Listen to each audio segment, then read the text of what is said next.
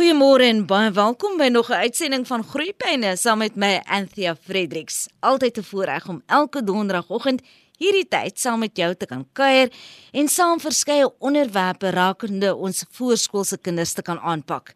Verlede week het ek gesels met Eloise Leroux, sy spraakterapeut en audioloog in privaat praktyk in Bloemfontein en ons het gepraat rondom gehoorverlies en die intervensies wat kan volg. Maar helaas, die tyd het ons ingehaal en daar was nog so baie onbeantwoorde vrae. En ek het dus vir Eloise gevra om hierdie week verder met ons oor die onderwerp te gesels en sy het goedgunstiglik ingestem. Goeiemôre Eloise en welkom terug by Groeipyne. Môre Antia, lekker om julle weer te kan gesels. Nou verlede week het ons fantastiese reaksie gehad na ons gesprek.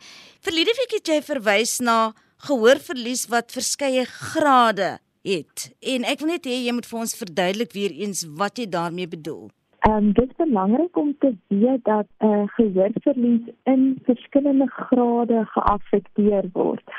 So daarom kan 'n mens selfs 'n geringe gehoorverlies het, is as jy nog steeds praat goed kan hoor, maar jy mis net uit op sekere klanke, byvoorbeeld of in sekere situasies sal jy dit moeilik vind om te hoor. Byvoorbeeld as daar agtergrondgeraas is, dan hoor jy slegter as gevolg van 'n geringe gehoorverlies. Wanneer ons dan meer kyk na as 'n middelde gehoorverlies, sal ons praat van 'n gehoorverlies hier by 30 desibel. Dan sal 'n persoon omtrent so op 40% van gesproke taal uitmis, waar wanneer die gehoorverlies se graad dan vererger, sien maar ons praat van 'n gehoorverlies waar 40 desibel verlies bestaan. Dan gaan ons al 50% van gesproke taal op uitmis en so raak dit progressief erger tot waar ons naderhand nie meer spraak sal kan hoor met 'n ernstige of totale gehoorverlies nie, maar slegs 'n baie harde geluid, byvoorbeeld 'n geweerskoot of 'n vliegtuig wat opstyg of 'n hond wat baie naby aan jou baie hard blaf, en jy dalk daai geluid hoor, maar het nie meer toegang tot gespreksvolume spraak nie.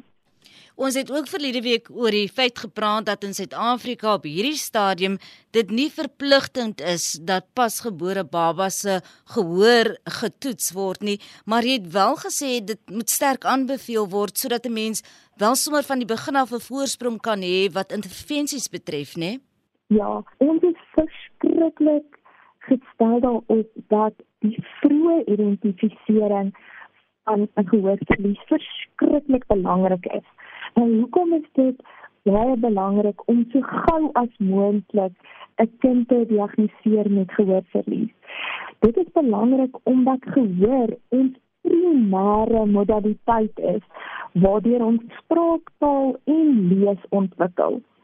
So ons word gebore, 'n klein babatjie word gebore met omtrent 10 biljoen ekstra neurone in sy brein wat net daar is om spraak en taal aan te leer in die eerste 3 jaar van lewe. So na 3 jaar verloor die brein en verminder hierdie vertakkings in die brein.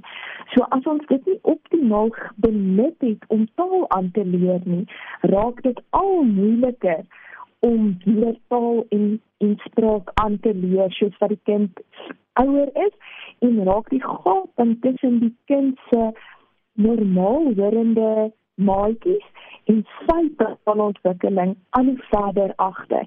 En ons wil weet dat um, gesproke taal en woordeskatontwikkeling een van die beste voorspellers is van akademiese sukses.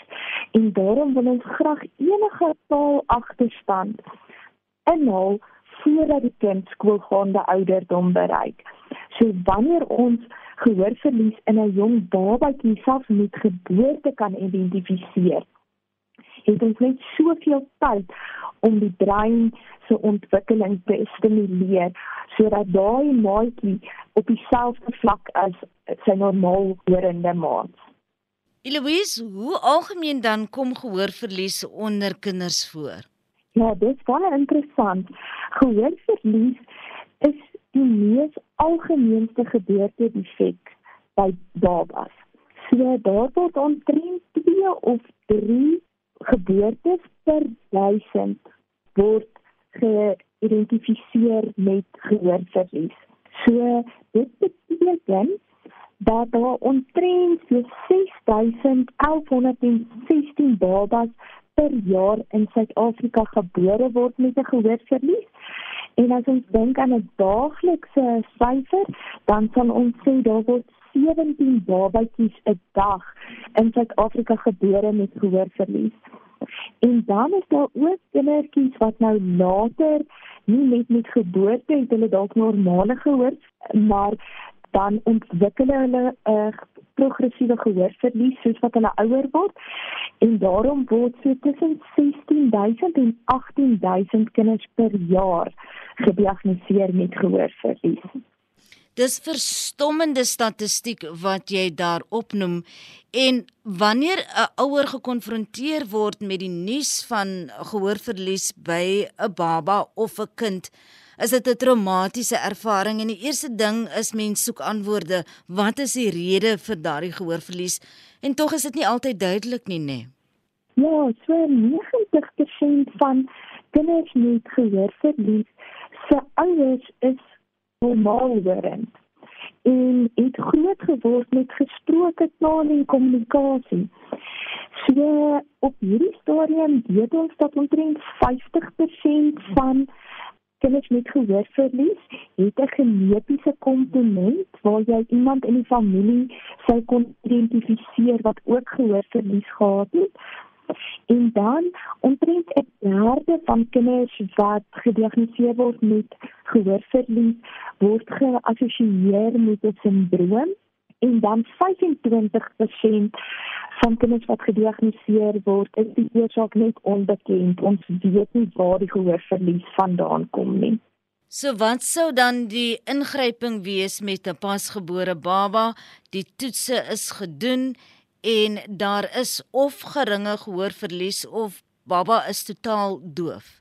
Na die diagnose sal 'n mens dan besluit op watter tegnologie benodig hierdie babatjie om dan daai toegang tot klank te hê. Wat ons op die ou ende soos wat ons laas week genoem het gaan dit nie net daaroor dat die gehoor verlies bestaan nie, maar ons soek daai paadjie na die brein toe sodat die breinontwikkeling kan verder plaasvind.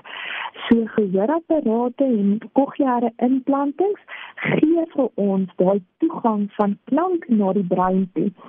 So die audioloog aan afhangende van dan die graad van gehoorverlies soos wat ons bespreek het, sal dan die regte tegnologie aanbeveel wat hierdie baba dan nodig het om toegang te kry tot klank. Of dit nou 'n gehoorapparaat is of iets wat 'n veel sterker volume nodig het in 'n kind wat totaal doof is, is sal ons dan 'n kokleaire implanting aanbeveel. Nadat die tegnologie gepas is, sal daai kind dan inskakel by terapie om betekenis aan daai klank te hê. Beteken dit dan daar is 'n multidissiplinêre benadering tot so 'n kind en dat dit nie net gaan oor een tipe intervensie nie? Ja, so ehm um, daar's 'n paar hoofspelers betrokke. Ons weet ook dat omtrent 40% van kinders met gehoorverlies het nie net gehoorverlies nie, maar val in ander areas van ontwikkeling ook uitdagings het.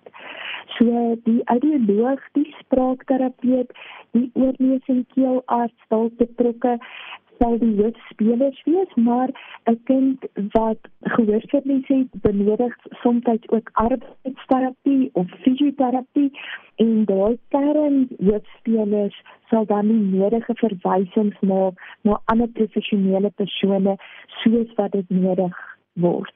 Jy het vroeër gepraat oor die verskillende opsies en nou wil ek by jou hoor, is daar 'n verskil tussen 'n gehoorapparaat en 'n kokleaire implanting? Ja, so ek dink Die publiek is tamelik bekend met hoe 'n gehoorapparaat lyk. So 'n gehoorapparaatjie het die funksie waar dit die volume van die klank eintlik net harder maak en dan volg die klank maar die gewone pad soos wat ons hoor.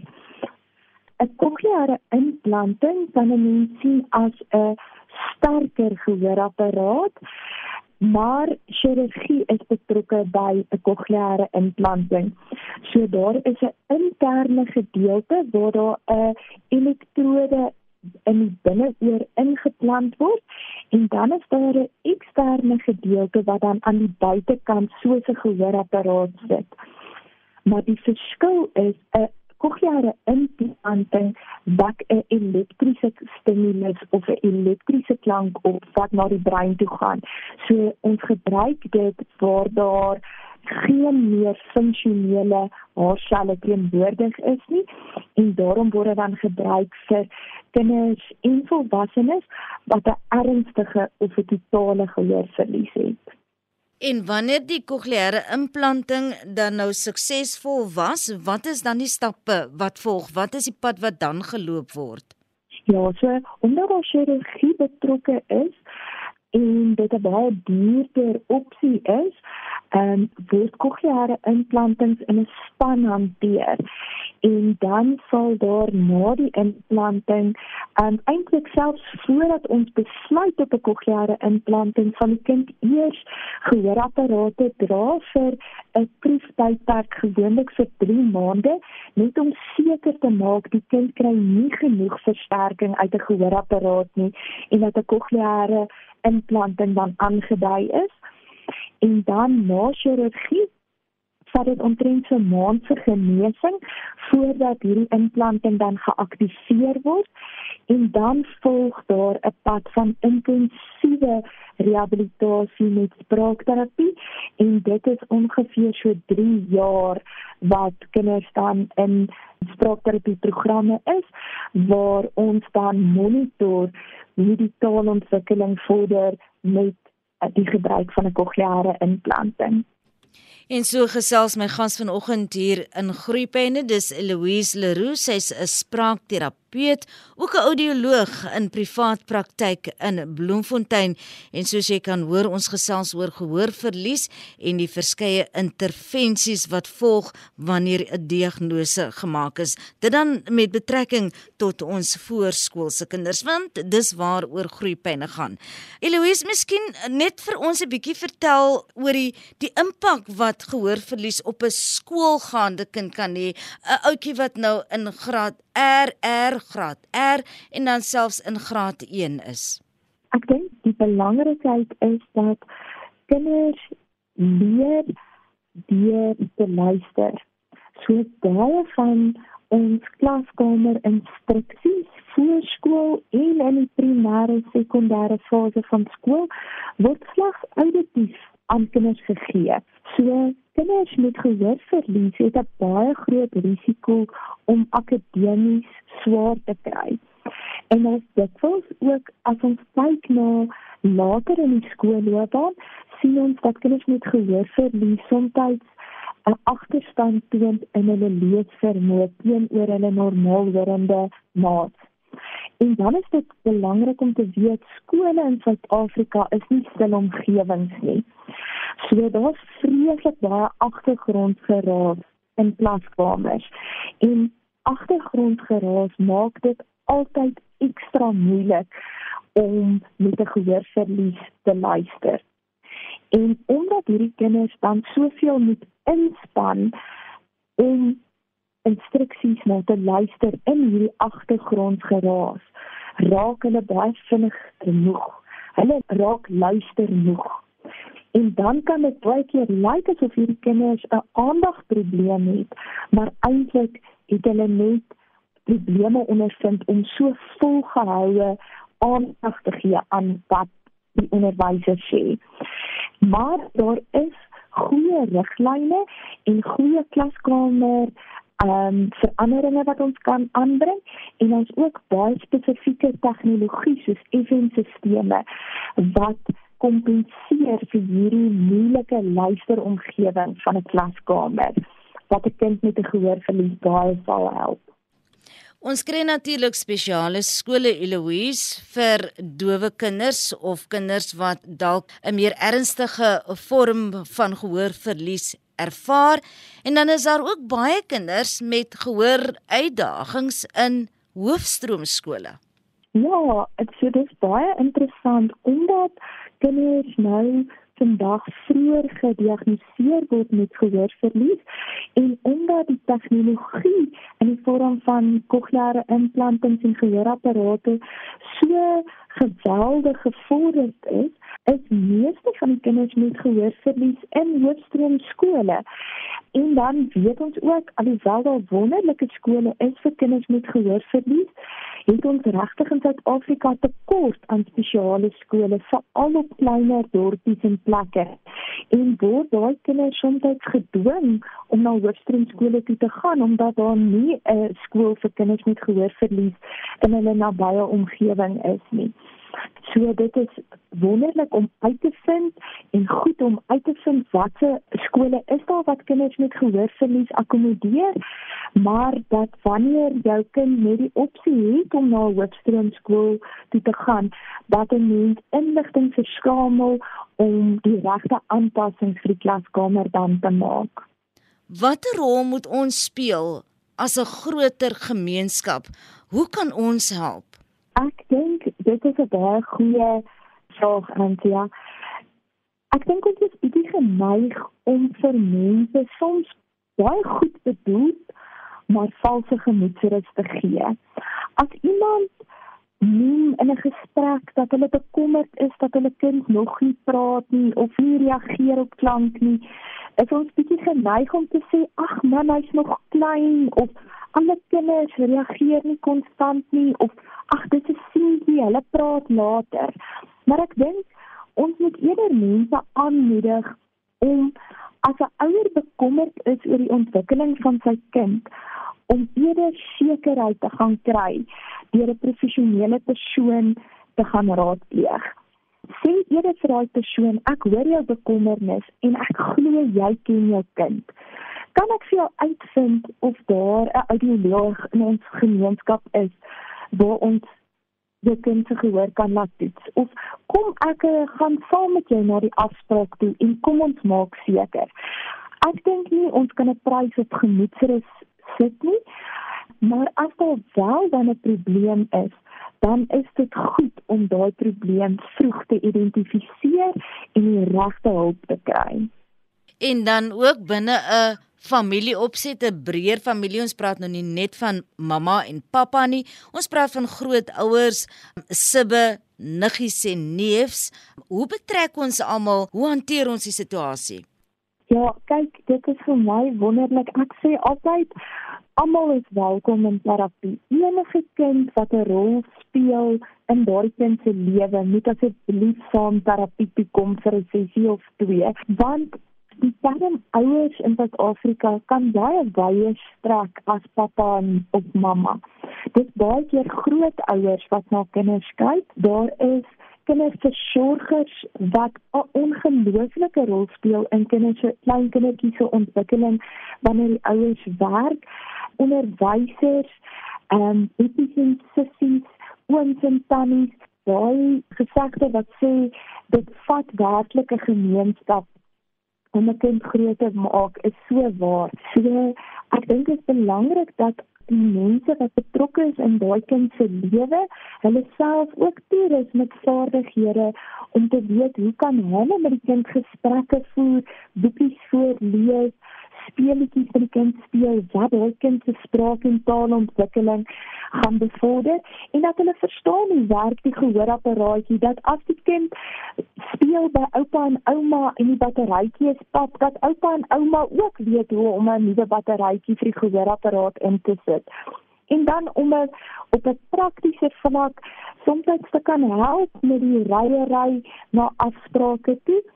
Dit sal alles vir ouers soveel help en ondersteun om hierdie taak wat aan hulle opgedra is om hierdie kindjie groot te maak en dan spraak en taal aan te leer met daai las ook 'n bietjie ligter te kan maak. Eloise, jy praat van daai las op die skouer. Wat is ouers se grootste uitdagings met 'n kind met gehoorverlies? Ek dink enige ouer wat na hierdie program luister met jong kinders sal weet om 'n normaal ontwikkelende kleuter te hê is veel eisend, nee.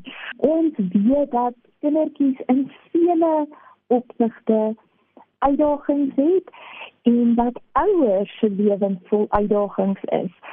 So die diagnose plaas definitief ekstra druk en spanning op 'n ouer. Daar is baie keer finansiële kommer oor die uitgawes van toetse, gehoorapparate en terapie. En meeste ouers werk vandag so om net tyd te maak om na al hierdie ekstra afsprake toe te gaan vat baie van hulle. En dit is regtig hoekom ouers baie ondersteuning het, um emosioneel maar ook op 'n fisiese en 'n praktiese vlak. Maar ten spyte van die uitdagings is my ervaring dat ouers in staat is om onmoontlike goed moontlik te maak omdat hulle regtig gedryf word deur die liefde vir hulle kinders. So ter opsomming aan die einde van ons gesprekke Eloise, net so as jy nog 'n stukkie raad of twee het vir ons. Ek dink ek wil weer eens beklemtoon Antia dat nie wonder of jy kind 'n probleem het of nie, gaan sien 'n deskundige en kry sekerheid daaroor. Moenie tyd mors om by 'n diagnose uit te kom nie. En dan gebruik die mense in jou omgewing, professionele mense, sowel as jou vriende en familie om die probleem aan te spreek en kennis te kry daaroor.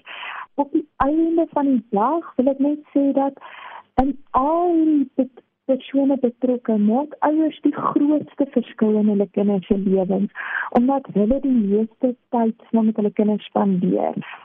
En daar is baie hulpbronne daar buite wat ouers kan toerus met vaardighede sodat hulle kinders die beste uitkomste kan bereik ten spyte van 'n gehoorverlies. En so gesels my gans vanoggend hier in Groepyne. Dis Eloise Leroux, sy's 'n spraakterapeut en audioloog in privaat praktyk in Bloemfontein en ons het die afgelope 2 weke kon gesels oor gehoorverlies en dan die intervensies en die uitdagings wanneer so 'n diagnose gemaak is en Eloise het uh, met ons van fantastiese raad kon deel en ons ook kon bemoedig op die pad vorentoe veral vir ouers wat sit met 'n kleintjie wat gehoorverlies ervaar en wat Eloise gesê het wat so belangrik is vroeë intervensie, vroeë diagnose sodat ons 'n suksesvolle pad vorentoe dan ook vir ons kan oopkloof saam met ons kleintjies. Eloise, baie dankie vir die afgelope 2 weke. Dit is totsiens, maar definitief nie die laaste praat hier in eh, Groepyne nie. Ons het dit baie waardeer. Groot plesier. Dankie Antia, totsiens. En dit bring ons dan aan die einde van vandag se uitsending van Groepyne volgende donderdagoggend tussen 12:30 en 12:00 dan is ons weer terug met nog 'n onderwerp wanneer ons die leefwêreld van ons voorskoolse kinders betree. Nou ek wil net noem ek vra elke week omtrent dat as daar 'n onderwerp is wat jy graag wil hê ons moet dek in hierdie program. Graag wil hê ons moet aanspreek dat jy vir my 'n e e-pos stuur. My e-posadres is anthia@rsg www.co.za. Die plan is dat ek verskeie opsies gaan hê wanneer mense vir my onderwerpe ter tafel gaan lê of dalk net 'n vraag of twee of wat ook al rondom jou voorskoolse kind. Ek trek dan verskeie kenners nader en dan bou ons 'n heerlike program of twee van groeipyne op wat bestaan uit jou vrae en 'n kenner wat daardie vraag gaan beantwoord. Laat weet vir my. Tot volgende week donderdag van my kant af Anthea Fredericks. Mooi loop.